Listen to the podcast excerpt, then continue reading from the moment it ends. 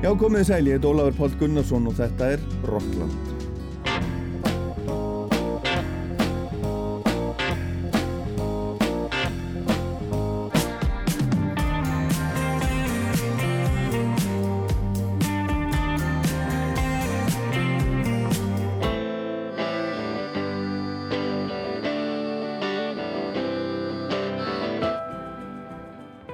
Ég ætla að koma við á ymsum stöðum í þættum í dag. Við heyrum nokkur lög af nýri plötu frá norsku sveitinni duetnum Kings of Convenience sem var að koma út. Heyrum slatt á annari nýri músik líka, til dæmis að nýri plötu John Grant, Boy from Michigan. Við heyrum í Faye Webster, Lucy Dacus og fleirum, en fyrst er það Joni Mitchell. Núna í vikunni var platan Blue með Joni Mitchell 50 ára. Það voru liðin 50 ár frá því hún kom út núna síðasta þriðu dag.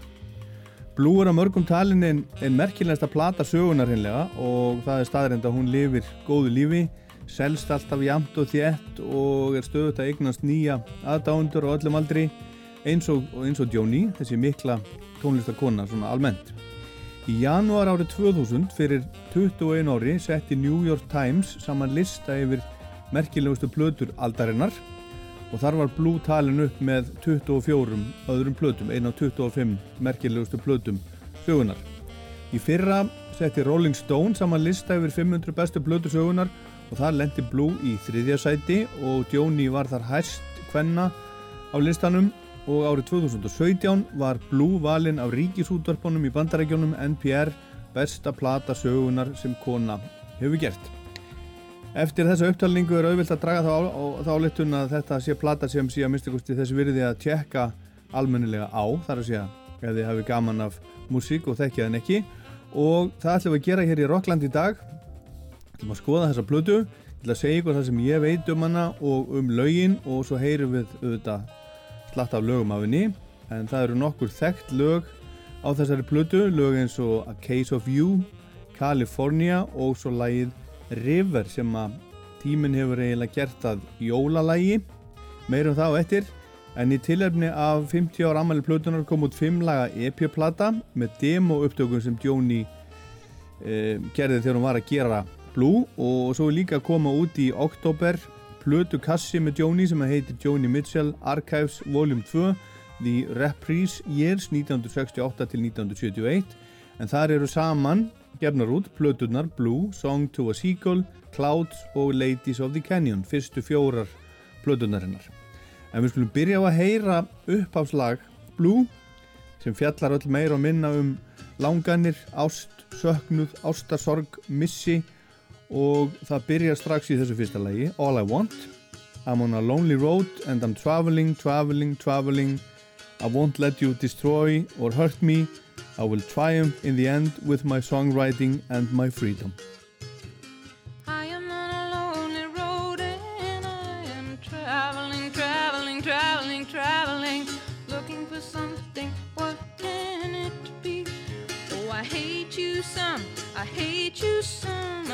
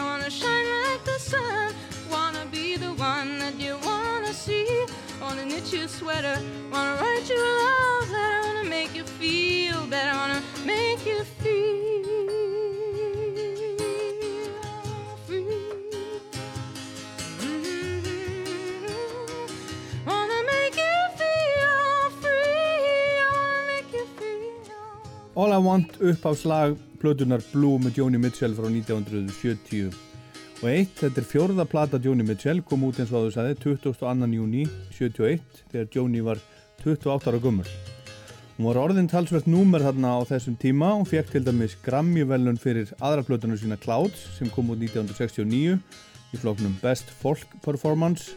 Og það er til dæmis að finna lægiðina frábæra Both Sides Now og þriðja platan Ladies of the Canyon sem kom út í apríl 1970 hefur að geima lögin eins og Big Yellow Taxi og Woodstock sem Crosby, Stills, Nass og Young settu svo á plötuna sína Deja Vu í rafmagnari útgáfu.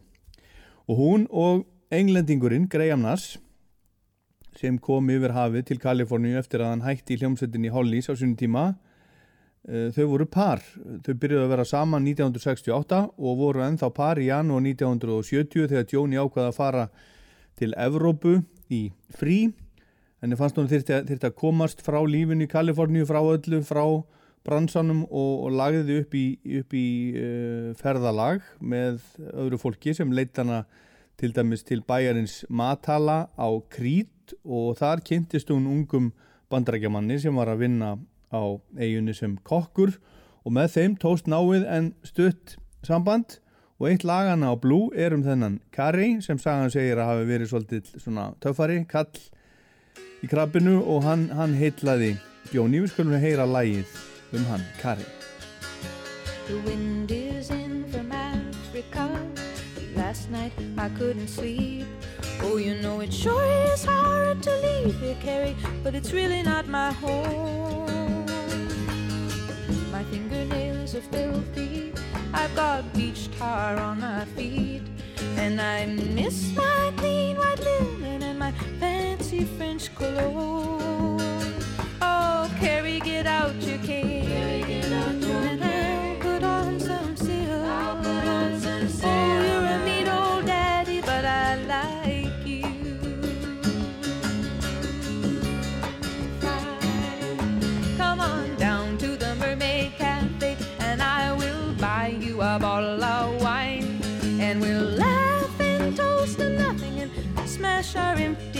down. Let's have a round for these freaks and these soldiers, a round for these friends of mine. Let's have another round for the bright red devil who keeps me in this tourist town. Come on, Carrie, get out your cane. I'll put on some silk.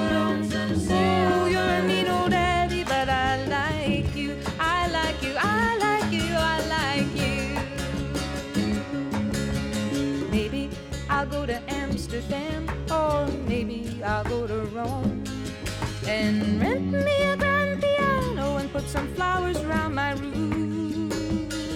But let's not talk about fairy wells now. The night is a starry dome, and they're playing that scratchy rock and roll beneath the Matlamoon. Come on, Carrie, get out your cane. Put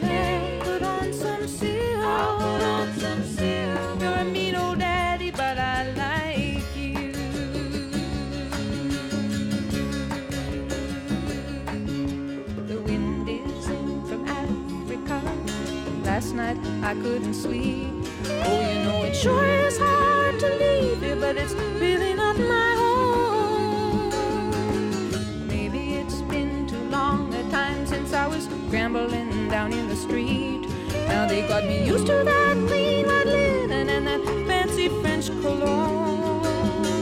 Oh, Carrie, get out your cane. I'll put on my finest silk. Go to the Mermaid Cafe, have fun tonight. I said, Oh,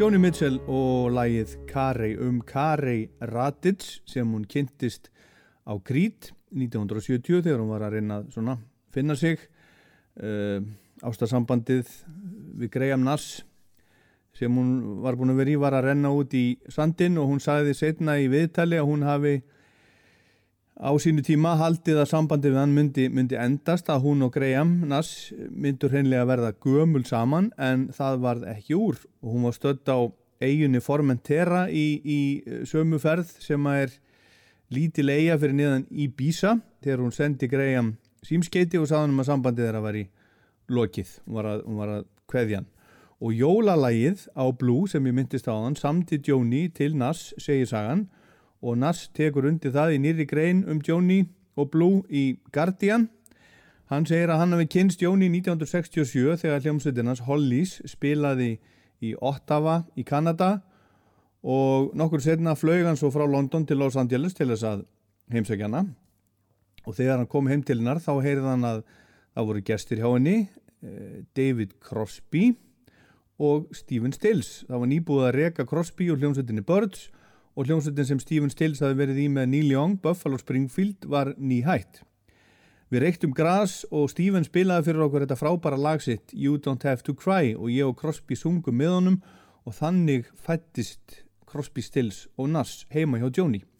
Og þau gjörðu sem sagt par, Joni og Graham Nass og þegar leið á baðan hann um að gifta sér en hún vildi það ekki, sá fyrir sér að verða bara heimavinnandi húsmaður sem, sem hún kærði sig alls ekkit um en það var nú ekki það sem Nass eh, vildi heldur, hann vildi að hún erði frjálsins og fugglin en, en samt konan sín.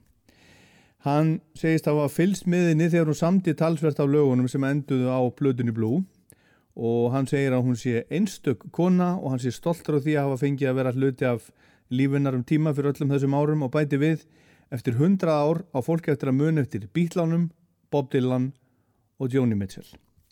En við skulum heyra lægi sem hún samti til kærastans, Graham Nass, þegar eldurinn í sambandinu var að brenna út. Það er að koma jól, það er verið að högva tré og setja upp hreindir en hún er sorgmætt, hún er búin að tapa elskunni sinni og óskar sér að það væri komin frosinn löng á sem hún gæti skautað á í burtu. Lægi byrjar á stefinu úr Jingle Bells nema hvað það er í sorglegu tóntegundinni moll en ekki dúr eins og venjulega.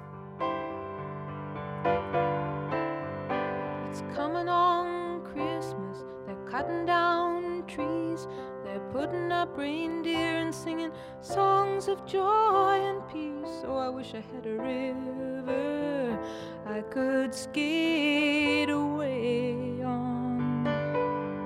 But it don't snow here, it stays pretty green. I'm gonna make a lot of money, then I'm gonna quit this crazy scene. I wish I had a river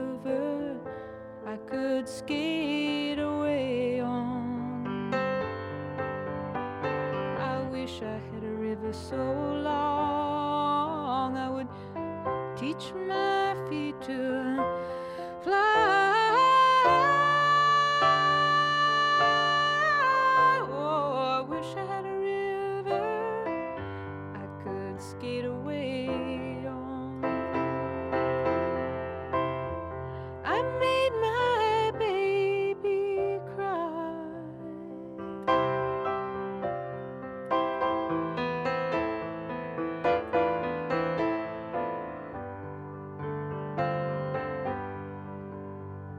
tried hard to help me, you know.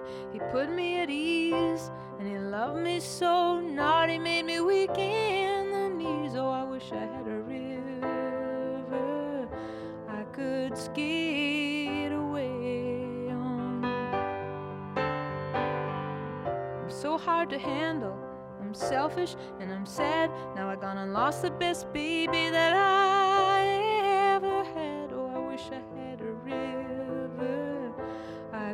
Skate away on. I wish I had a river so long I would teach my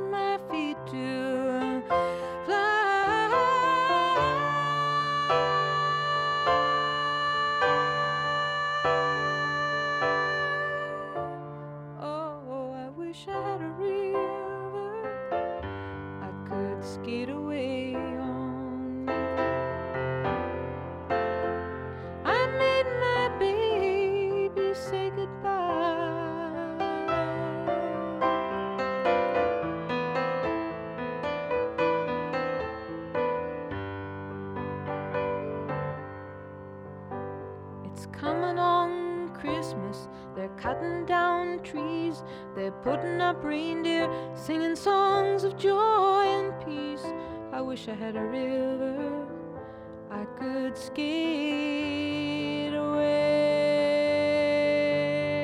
on. Já, þarna í endirinn á River vitnar Joni Mitchell aftur í Jingle Bells eins og í upphafinu í moll. Hún er í ástarsorg í þessu lægi sem er kveðja til, til Grahams Nass. Þau voru par sem satt í tvö ár frá 1968 til 70. Og Joni átti fleiri fræga kærasta en Graham Nass en sambandin vörðu mis lengi og þegar Blue kom út á sínu tíma þá skrifaði tímariti Rolling Stone grein um það hverjum hún hefði verið með. Þar að segja hjá hverjum Joni Mitchell hefði sofið. Það voru aðri tímar þá en í, en í dag. Það voru svo sem uh, tímar frjálsra ásta og hippa og það allt saman. En ég held að það sé hún alvar hreinu að Rolling Stone myndi ekki skrifa svona grein í dag. En hún var um tíma með David Crosby á undan Nass og hún var með Jackson Brown og hún var með Leonard Cohen og hún var með James Taylor. Og sömarið 1970 var hún með James Taylor og var ástfangin af honum segir, segir sagan, þetta var eftir að hún kom úr ferðalæginu frá Evrópu og þau voru enn saman þegar hún tók upp Plutuna Blue sem er hér til umfyllunar í dag. En þau slitu svo sambandinu í mars 1971 þá var James Taylor um það byrja slá almennilega í gegn en hann var á, á kafi í eitulifjum á þessum tíma á, á, á heroinni en segir að, að þeirra samband hafi, hafi engjænst bara af, uh, þetta hafi verið góðu tími og, og, og, og róleheit en í april 71 kom út platan hans Mud Slide Slim and the Blue Horizon sem hefur til dæmis að geima smellin You Got a Friend. Og hann var mikil stjarnar og eitthvað að það kom eitthvað upp þeirra á millið þannig að það slitnaði upp úr því sambandi. Og lægið Blue, titilaplötunar samt í Joni um sig og James Taylor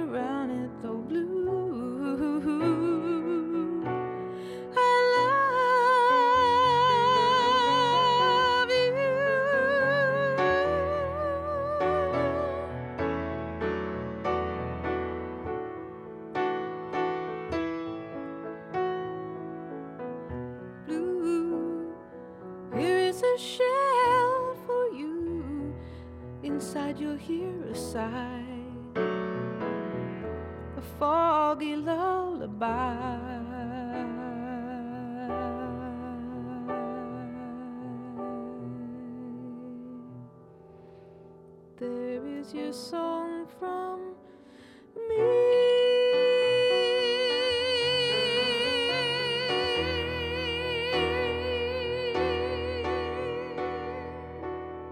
Blue. Here is a shell for you. Inside you'll hear a sigh, a foggy lullaby. There is your song from me. Lægið samið til, til James Taylor eins og lægið All I Want sem platan Blue byrjar á og líka This Flight Tonight sem er á blöðunni. Hún trúði um tíma, hún Jóni, að James væri sin eini rétti en svo kom eitt og annað upp á og hann var stór stjarnar á, á uh, svipstundu og því fylgdu jarskjáltar og eldgós og hún var miður sín þegar sambandinu laug hefði lesið. Jóni heiti réttunafni Roberta Joan Anderson og er fætt 7. november 1943 í Fort MacLeod í Alberta í Kanada. Mammenar Myrtle Margaret McKee var komin af skotum og írum en pappinar William Andrew Anderson ættaði frá Núri. Og mammenar starfaði sem kennari en, en, en pappin var lautinant í, í kanadíska flugverðnum og þjálfaði unga flugmenn í Fort MacLeod og fjölskyldan var dálitið á flakki um, um tíma meðan hann var í hernum en, en eftir heimstyröldina kom fjölskyldan sér fyrir í, í eh, Saskatchewan fyrst í bænum Maidstone og svo í North Battleford áður en að þau fluttu til Saskatoon þegar Jóni var, var 11 ára og ég held að hann hafi eftir hann hætti hernum verið, verið kaupmaður. En Jóni gekk eitthvað ítla í skóla, hafið áhuga á, á listgreinum og sérstaklega á því að mála myndir Hún var nýjar og gömul þegar hún fekk lömunarveiki og var lögðinn á sjúkrahús og var þar skilst mér í hálft ár og mér skilst líka að mammenar hafi komið einu sinni að heimsækjana en pappenar aldrei. Og það var á þessum tíma sem hún byrjaði að spila á gítar meðan hún var að ná sér af lömunarveikinni en veikin hafði áhrif á ímislegt, til dæmis styrkin í vinstri hendinni og þess vegna fór hún að gera tilrönnir með öðruvísi stillingar á, á gítarnum sem var setna eitt af hennar sérkjönum, hún er sagt, hennar gítarstíl einkennist af því að hún er alltaf með mismunandi stillingar hún uh, byrjaði líka að reykja þegar hún var nýjára, segir sagan og 19 ára kom hún fyrst fram ofinbellega á staði Saskatoon sem bauð upp á svona jazz og þjóðlatónlist það var 1962 Á efniskráni hjá henni voru, voru standardar sem að flestir þjóðlaga söngvara þess tíma voru að syngja en hún söng líka lög eftir Miles Davis og lög sem Edith Piaf hafði sungið. Hún fór svo í, í listaskóla Alberta College of Art í Calgary til að læra myndlist en henni, henni leittist námið fannst það eitthvað, eitthvað á ferkantað og hætti þar eftir eitt ár þegar hún var tvítug. En hún er alveg uh, frábær myndlistamæður fyrir utan að vera frábær tónlistamæður og hún fór til Toronto alltaf að reyna fyrir sér sem, sem þjóðlagasönguna fekk að koma fram hér og þar fyrir, fyrir svona eh, einhverja smáöra en náði að, að skrimta en þegar hún var búin að vera nokkra mánuði í Toronto uppkvöldaði Jóni að hún var ófrísk eftir kærastansinn Brad McMath en hann yfirgaf hann að peningalösa og alls lösa þegar hún var komin þrjá mánuði á leið og hún uh, fætti stúlkubarn í februar 1965 en sá ekki fyrir sér að geta séð fyrir barninu og uh, ég held hún að við ekki sagt fóreldri sínum frá þessu eða, eða einum eða, eða neinum gaf uh, stúlkunni nafni Kelly Dale Anderson og hún gaf hana síðan frá sér til ætleðingar.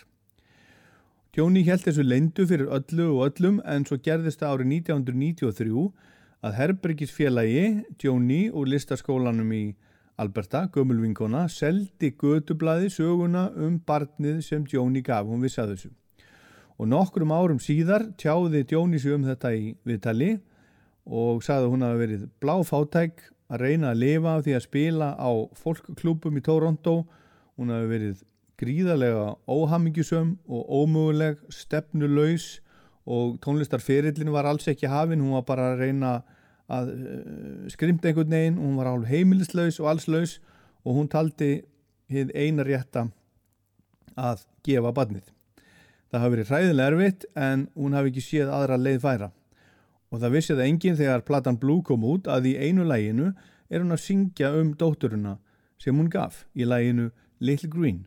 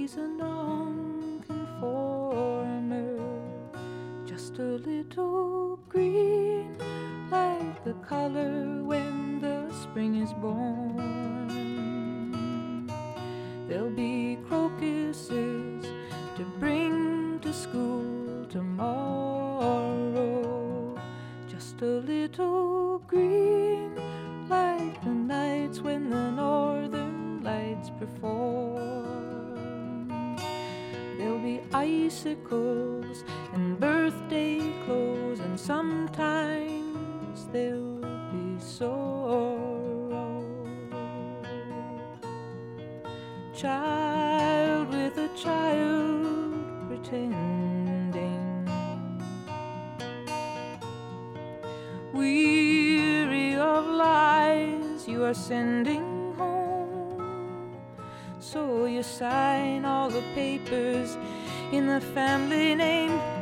You're sad and you're sorry, but you're not ashamed. A little green, have a happy ending. Just a little green, like the color when the spring is born.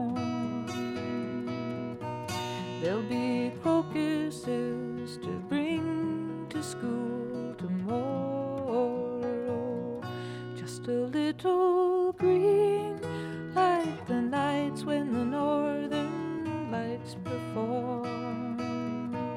There'll be icicles and birthday clothes, and sometimes there'll be sorrow.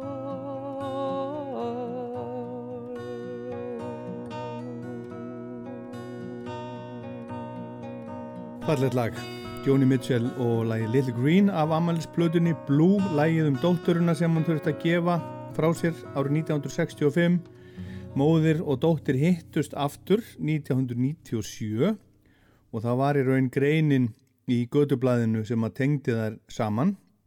Þá var dóttirinn sem að gekk núna undir nafninu Kíloren Gibb búin að vera að leita árangustlaust að blóðmóðu sinni og Jóni hafði alla tíð verið að hugsa til hennar að sjálfsögðu og hafa áhyggjur af henni hvort hún hefur lenda á góðu heimili og slíkt eins og fólk gerir eflaust þegar það lendir í, í að þurfa að gera þetta sem, að, sem hún gerði, að gefa, að gefa bann.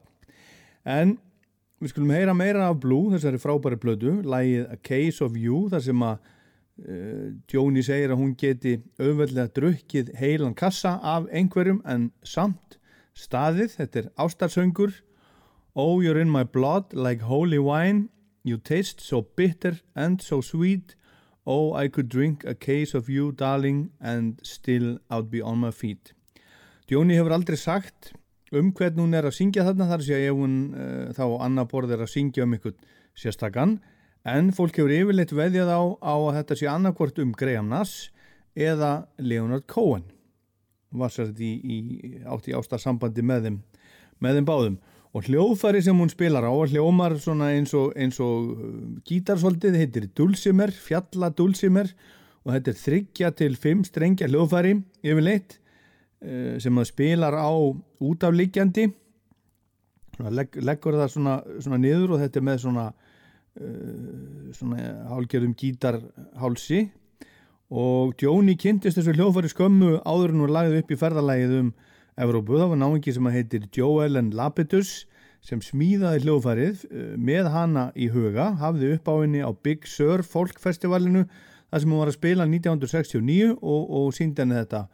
Og, og uh, hún heitlaðist að því að þetta var svona, uh, þetta svona open tuning eins og það heitir. En hlustum, A Case of You.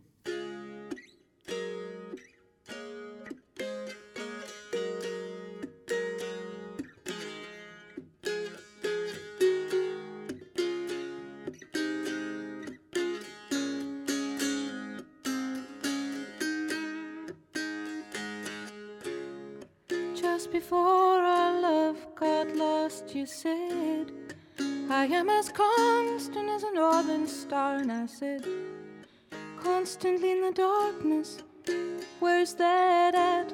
If you want me, I'll be in the bar.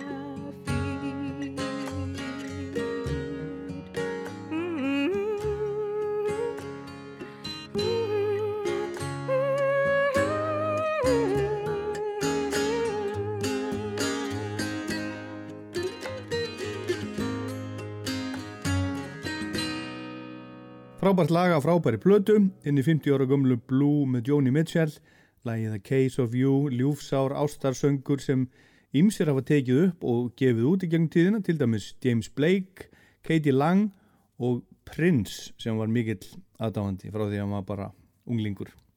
Við skulum heyra eitt lag til viðbótar af Blue, lagið California, þar sem hún spila líka á fjalla dúlsimir græjuna sína, James Taylor spilar þarna á gítar, Sneaky Pete Kellinoff á pedalstíl og Russ Kunkel á slagverk. Og í Kaliforníu er hún eiginlega að syngja um ferðalægi sitt til Evrópu þarna 1970 hún var um tíma í París svo var hún á, á eiginu þarna á, á Spáni rétt hjá Ibiza og svo var hún á, á Krít bjóð þar í, í, í Helli. Og hún er að syngja um þessa staði og hún var alveg til að vera komin aftur heim til Kaliforníu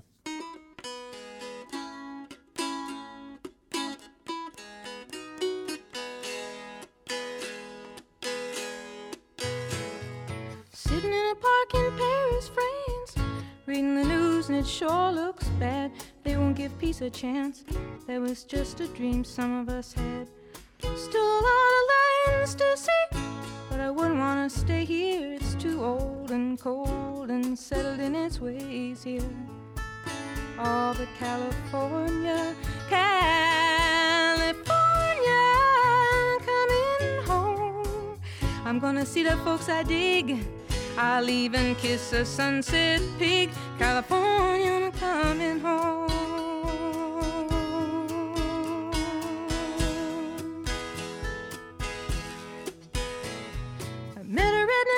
Isle ah.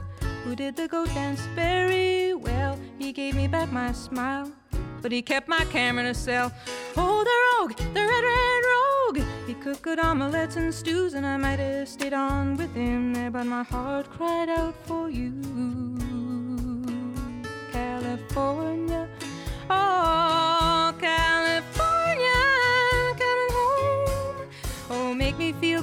rock and roll band. I'm your biggest fan, California, coming home.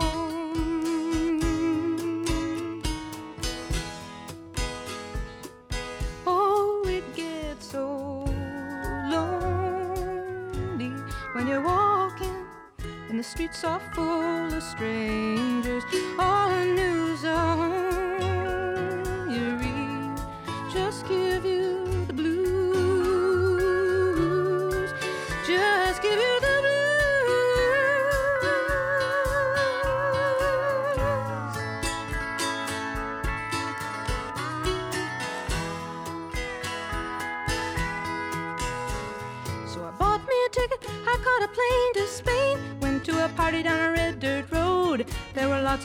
People there, reading Rolling Stone, reading Vogue. I said, How long can you hang around? I said, A week, maybe two, just until my skin turns brown. Then I'm going home to California. California, I'm coming home. Oh, will you take me as I am? Strung out on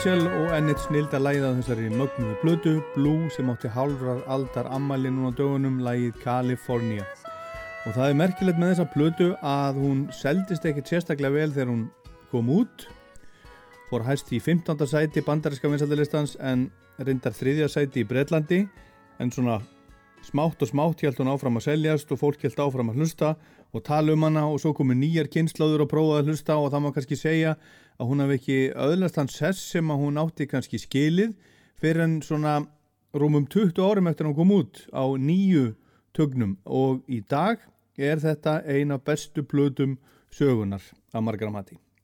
David Crosby sem er einn af gömlu kærastunum hennar Joni segir í nýri grein í Guardian að Bob Dylan sé álíka gott skáld og Joni en hún sé miklu betri tónlistamæður, lagahöfundur heldur en hann.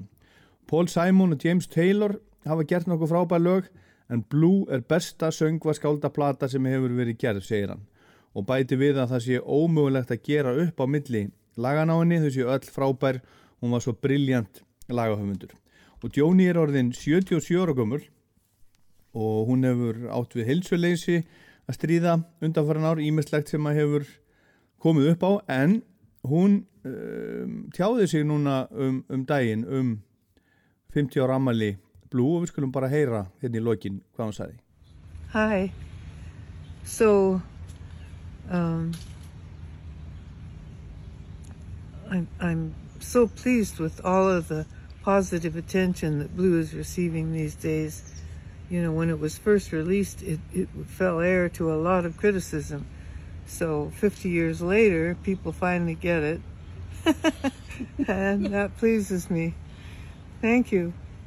Já, Jóni þykir væntum alla aðtiglina sem Blue hefur verið að fá undanfarið. Það voru ekki allir hryfnir af plötunni þegar hún kom út á sínu tíma en þetta gleður mig mikið, segir hún.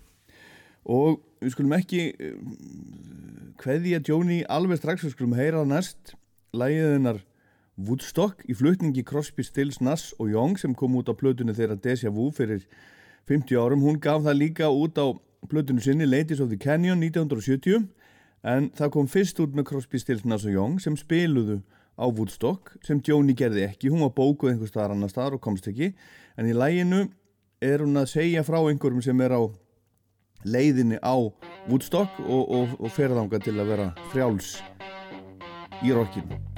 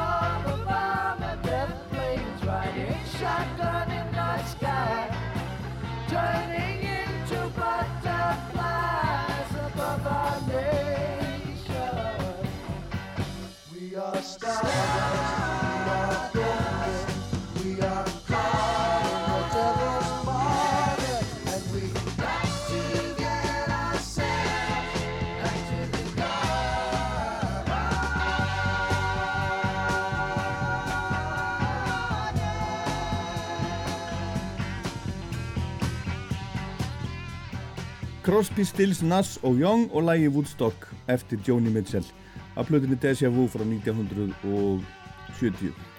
Það er mikið af fínum lögum á þessari mögnuðu plötu sem var að koma út núna um daginn í stórum kassa í 50 ára ammælisútgáfu. Það eru demo af, af lögunum sem að enduðu á plötunni og, og önnur demo og lög sem að voru tekin upp en voru svo skilin eftir þótt ekki passa á plötuna. En eitt af lögunum sem að þóttu nógu góð er Our House eftir Graham Nass og það samdan á píanóeðina Joni heima hjá Joni og honum þegar þau byggu saman í Laurel Canyon í Los Angeles. Og lægi var til á stöttum tíma og svona klukkutíma eftir þau komu heim eftir að hafa farið út að fá sér morgumatt fengu sér að borða, kiftu svo blómavasa á skranmarkaði á leiðinni heim komu heim, Joni setti blóm í vasan Graham settist við píanóið og samdi þetta fallega lífsega lag um sig og kæristuna Joni Mitchell og lífið er að ljúa. I'll light the fire You place the flowers in the vase that you bought today Staring at the fire for hours and hours while I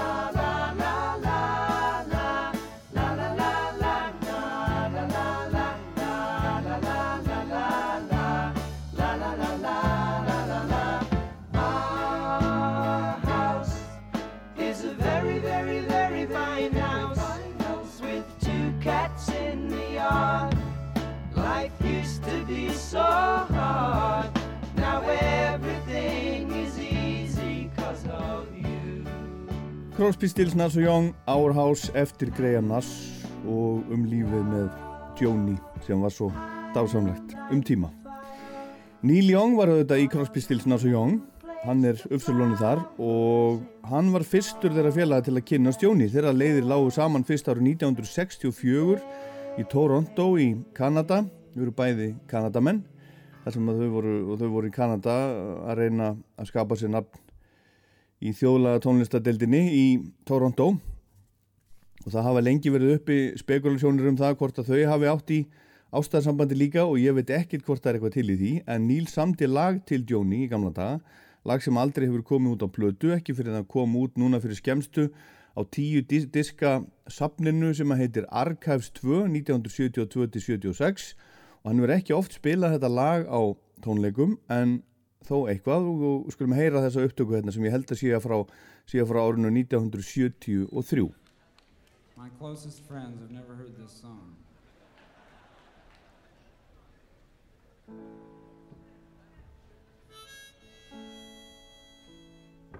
I may screw this song up. I've never done it before. It's a little ballad here.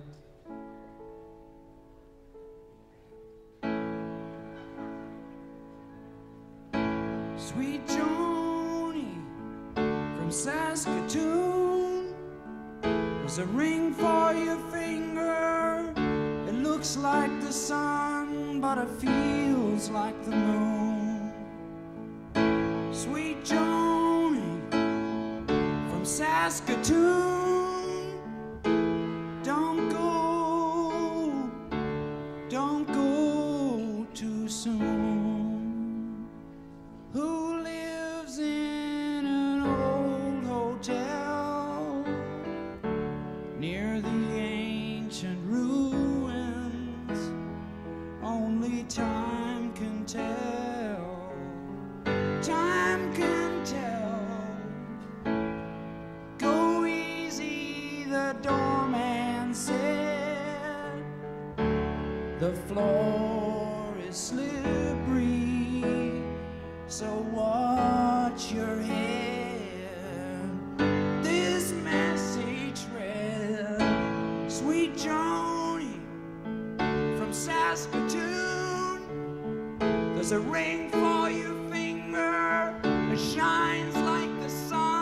Sun, but it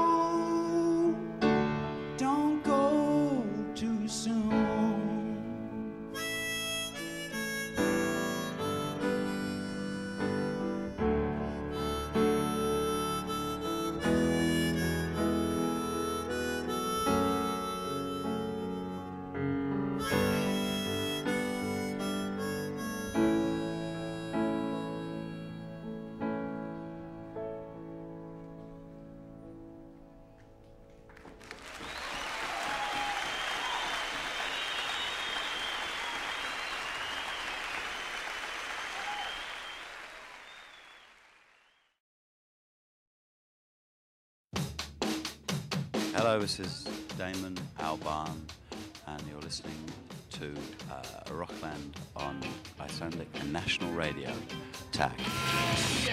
Já, þetta er Rockland á Rástvö, ég heit Ólafur Páll Gunnarsson og það var að koma út plata með norska duetnum Kings of Convenience sem kom og spilaði á Æsland Airwaves haustið 2009 í fríkirkjunni í Reykjavík. Þá var sveitin nýbúin að senda frá sér þriðju stúdíoplötuna, Declaration of Dependence.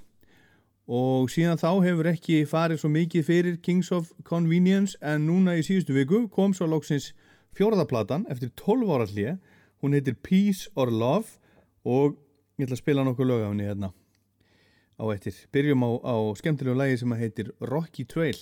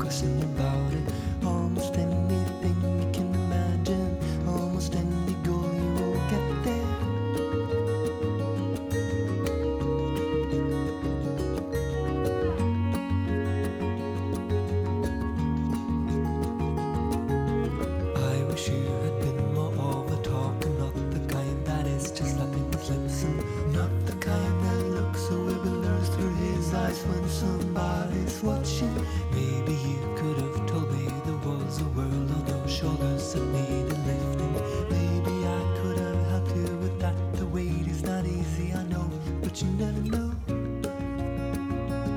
I thought your shoes were good. I thought they would take you to the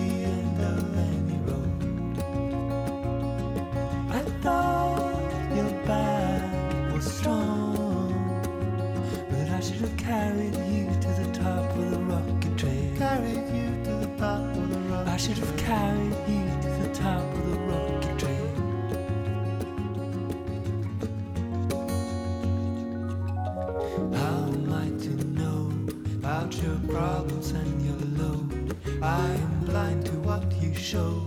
I am waiting to be told.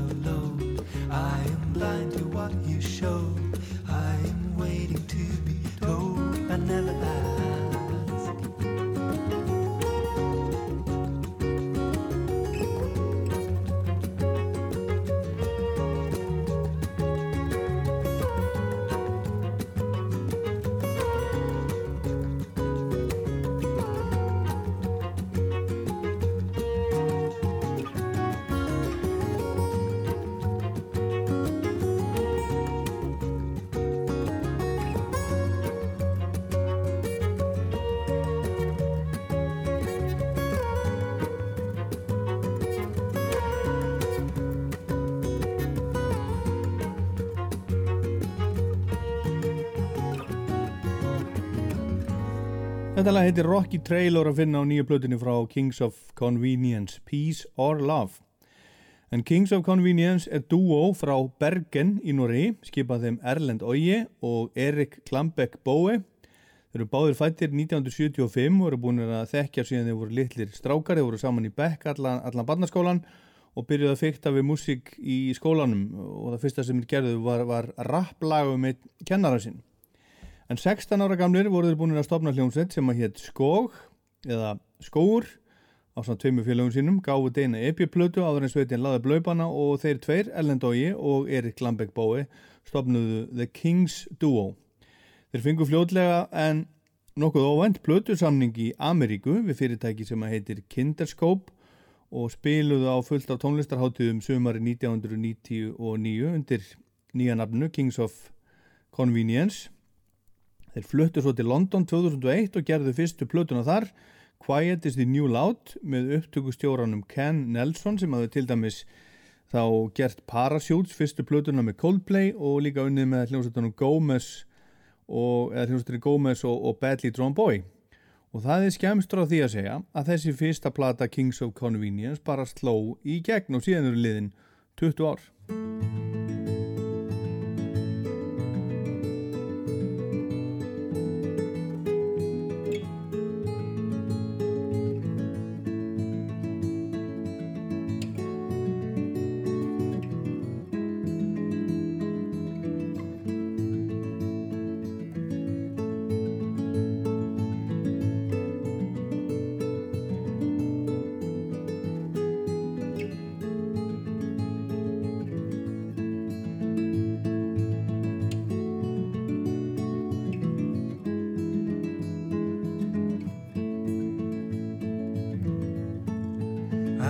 Nothing to say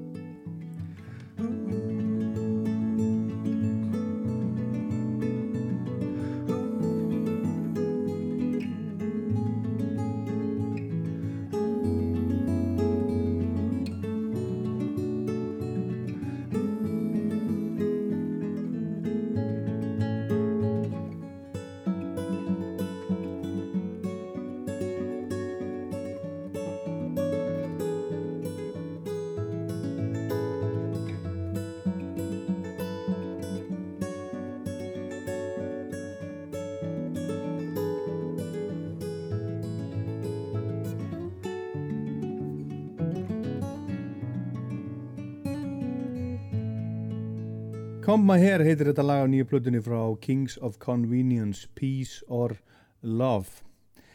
Annar þeirra Kings of Convenience manna, Erlend Óje, hefur verið svolítið hérna á Íslandi og gerði eina sólarplötu með okkar einu sönnu hjálmum, plötuna Lega á í hljóðrita í Hafnafyrði. Hún kom út 2014. Erlend Óje sá hjálmann að spila einhver staðar í, í Nóri á festivali fór og, og, og spjallaði við þá og held svo áfram að spjalla við þá í gegnum netið. Og síðan bókaði hann hjálma á tónlistarháttíð í Hollandi þar sem hann var eitthvað með með puttan í og þar spiluði hjálmar fyrst á undan Erlendói og svo miðunum og í kjölfari gerðu hjálmandin svo þessa plötu miðunum og einhverjir úr hjálmabandinu fóru svo með, með Erlend í tónleikaferð. En heyrum meira af nýju plötunni frá Kings of Convenience. Heyrum annað af, af tveimur lögum plötunar sem kanadíska tónlistakonan Feist er gestur í. Þetta heitir Love is a Lovely Thing.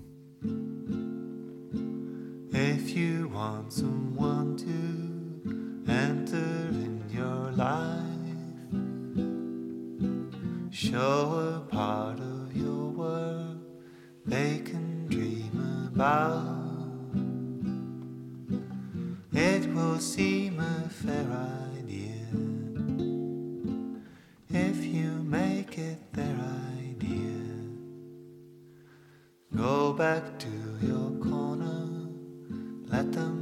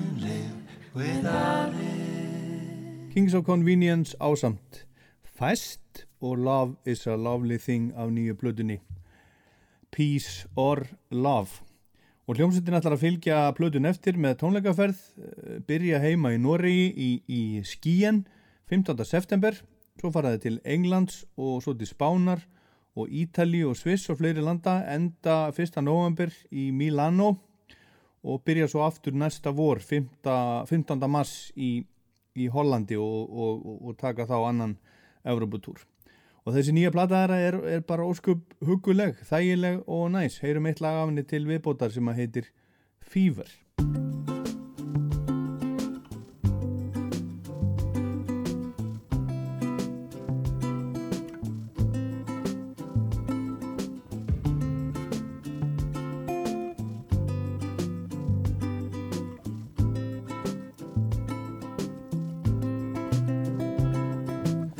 Fever, you got fever,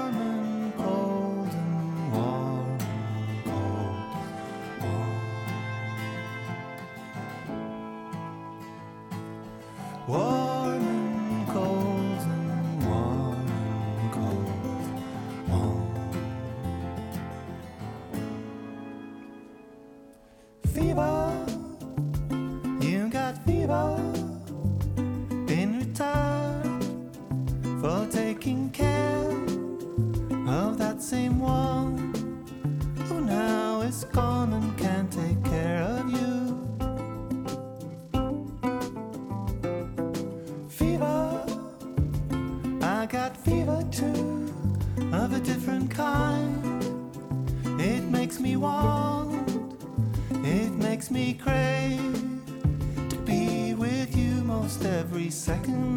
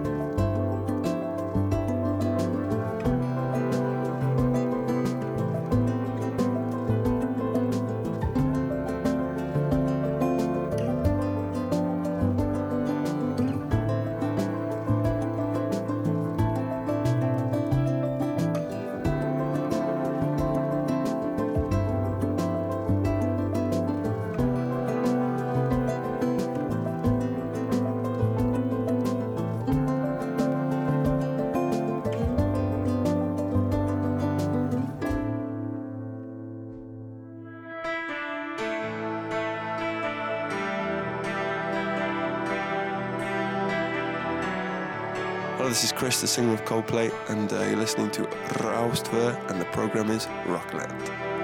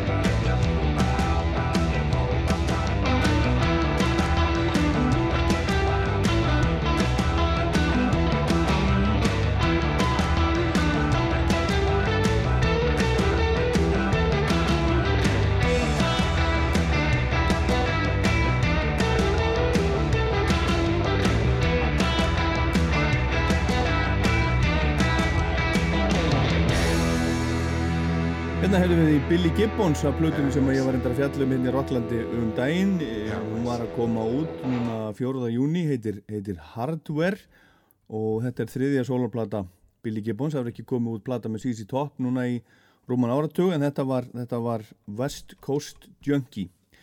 Og meira nýtt erum næst í, í Faye Webster sem að er sem að er uh, svona indie folk tónlistarkona frá Atlanta í Georgíu. Hún sendi frá sér fyrstu plötuna sem að heitir Run and Tell 2013 og núna á förstu daginn kom út fjóraða platan hennar heitir I Know I'm Funny, Ha Ha og, og þetta er titilægi sem við heyrum hérna, Faye Webster.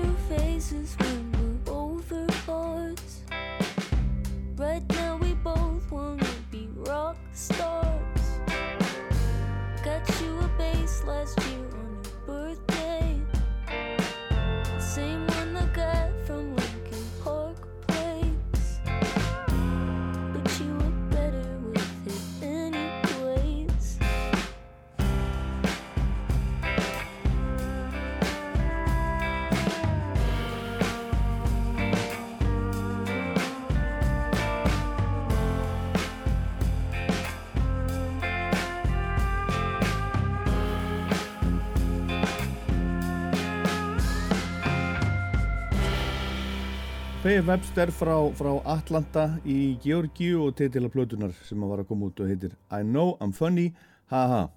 Næst er, önnur tónlistarkona sem að heitir Lucy Dacus, við heyrðum í henni reyndar aðeins í síðasta þætti. Hún er fætt 1995 og Home Video er þriðja soloplatan hennar. Hún kom út núna á Föstu daginn, ég spilaði í síðasta eftir lagáni sem heitir Brando en við ætlum að heyra lag núna sem heitir Hot and Heavy, Lucy Dacus. Being back here makes me in the face. Hot blood in my pulsing veins. Heavy memories weighing on my brain. And heavy in the basement of your parents' place. You used to be so sweet. Now you're a firecracker on a crowded street. Couldn't look away even if I wanted. Try to walk away, but I come back to the start.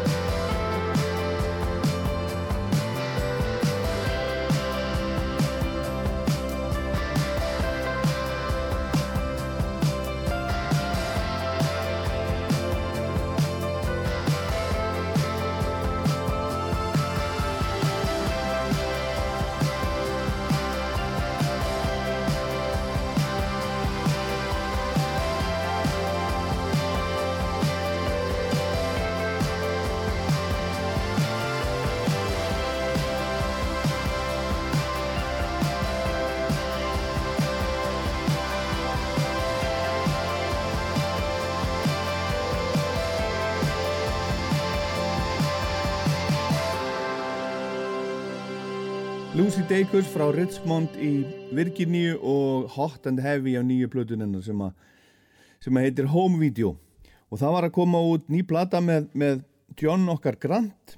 Hún heitir Boy from Michigan en John ólst upp í Michigan. En nú er hann búin að vera næstum jafn lengi á Íslandarindar og hann var í Michigan, hann bjó í, í 12 ár í Michigan, búin að vera á Íslandi núna í, í 11 ár. Og ég var að lesa grein á netinu þar sem að þeir eru að spjalla saman uh, John Grant og, og vinur hans Elton John sem er hansi skemmtilega þeir eru, þeir eru að tala um til dæmis Katrinu Jakobsdóttur fósettisráð þeirra og, og bara lífið á Íslandi og og ímislegt en við skulum heyra lag af plötunni sem kom út núna á föstu daginn, þetta er lokala plötunar, þetta heitir Billy Billy, as the world tries hard to cheat death once again, I've got some extra time which I thought that I would spend by working on your song. And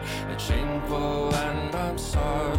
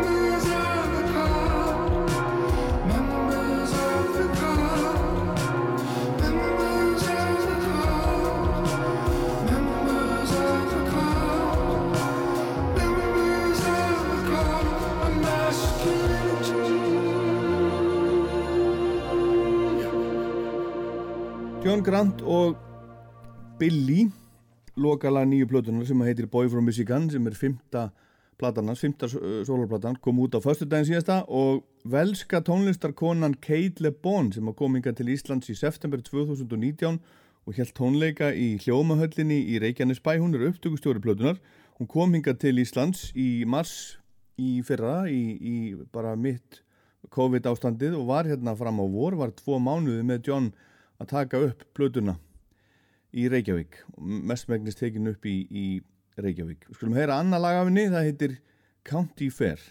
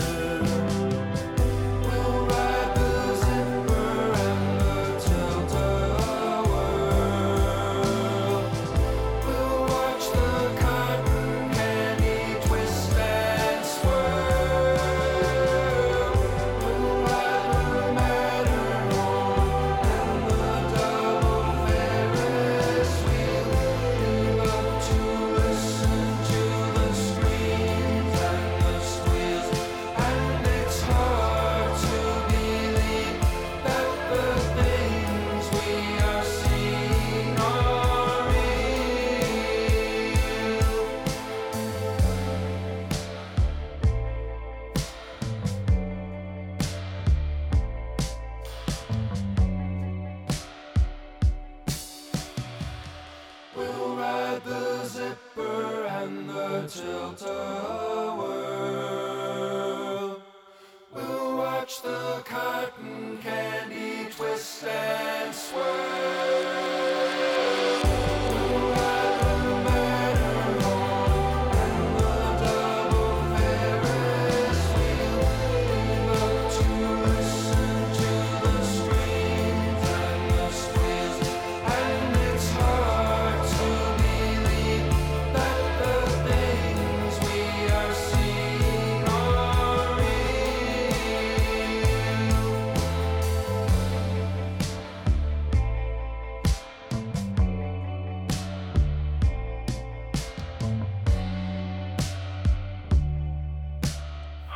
David Byrne. You're listening to Rockland on Rouse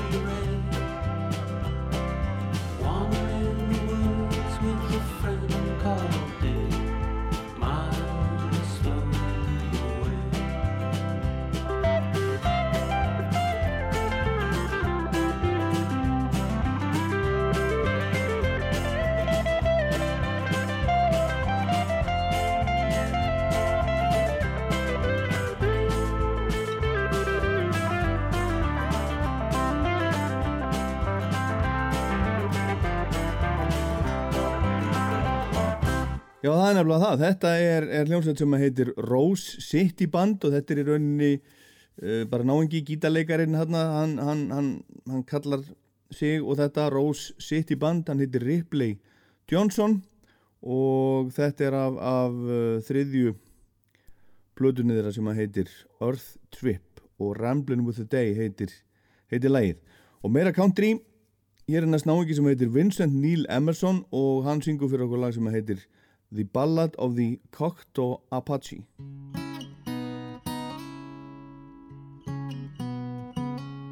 Well, the East Texas wind was whistling through the pines, and I followed it down to Louisiana. There is a tribe, and it ain't too hard to find, where the rich man came and flooded all the land. They had no mercy on the people old and young. They were blinded by the silver on their tongue. All the land that they take just to build themselves a lake. Well, it ain't worth all the lives that you forsake. Well, a hundred eighty thousand acres of ancestral land. That Sabine River bottom flooded by the dam. I am a proud Choctaw Apache man, but it just don't mean a thing to the faces in your hand.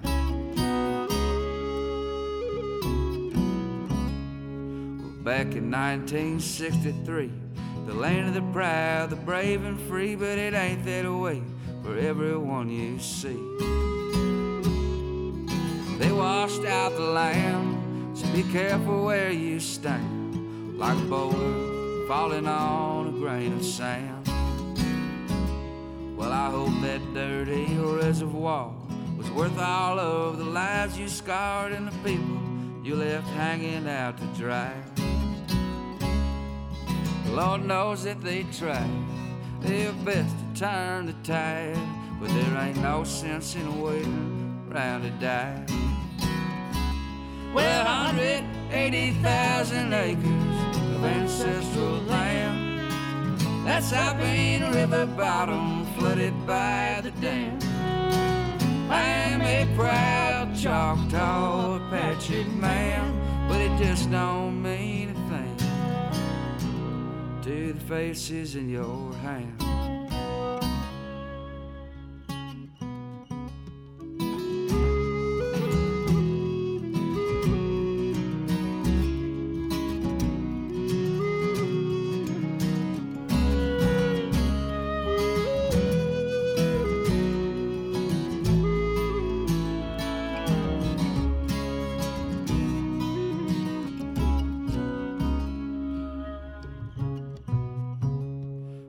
Granny was a native from the parish of Sabine, and she raised her children the best way she knew how.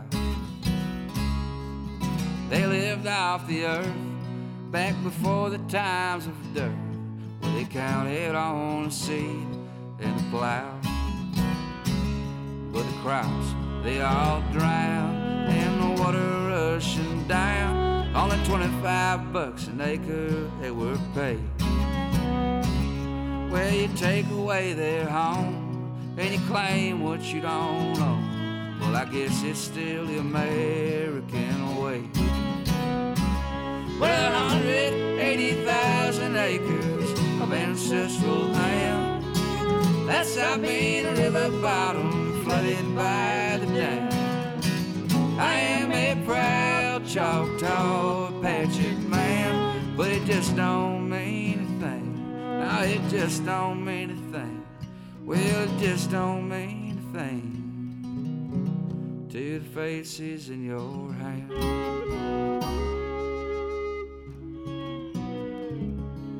Þetta var hann Vincent Neil Emerson og lagið í Ballad of Choctaw Apache.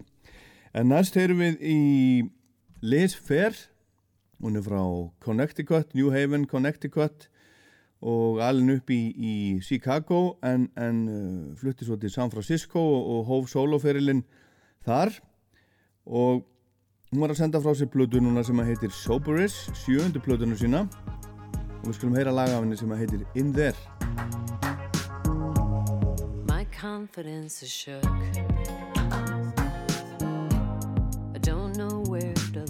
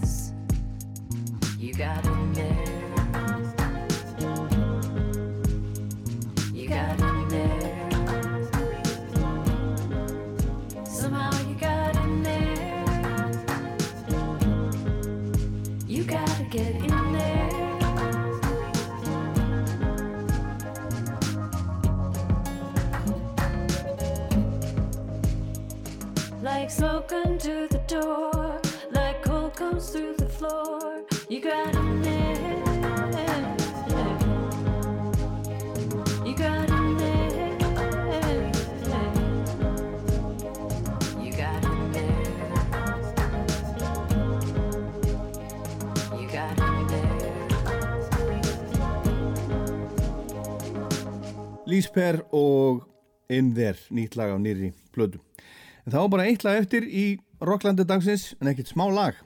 Metallica-lagið Nothing Else Matters í flutningi Miley Cyrus og nokkur af vina hennar, eins og Elton John, celloleikarans Yo, Yu Ma, Chad Smith, trommara Red Hot Chili Peppers, upptökustjórans sem að kalla sig Watt og bassarleikar Metallica Robert Trujillo.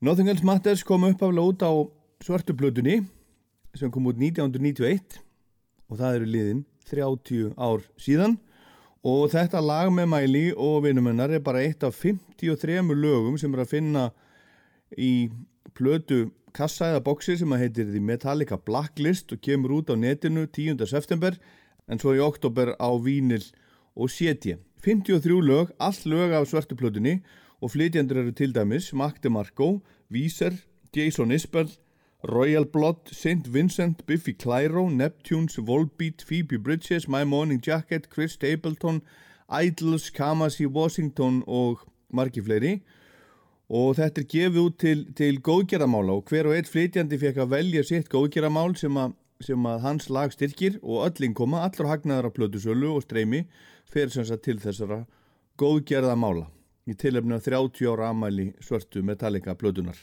Þetta finnst mér fallegt og við endum Rockland dagsins á að hlusta á Nothing Else Matters með Miley Cyrus og hennar frábæri vinnum. Ég minni á Rockland á netinu í Rúf appinu þar sem er þetta að hlusta þegar maður vill. Og svo er það podcast fullt af þáttum í podcasti á helstu veitum til dæmis á Spotify. Og svo er það Rockland mæli með lagalistinn sem að er á Spotify líka sem ég mæli auðvitað með að- að við eh, tjekkið á og, og hlustið á og fylgið Rockland mælir með en þetta var sem sagt Rockland, ég heit Ólafur Páll Gunnarsson. Takk fyrir að hlusta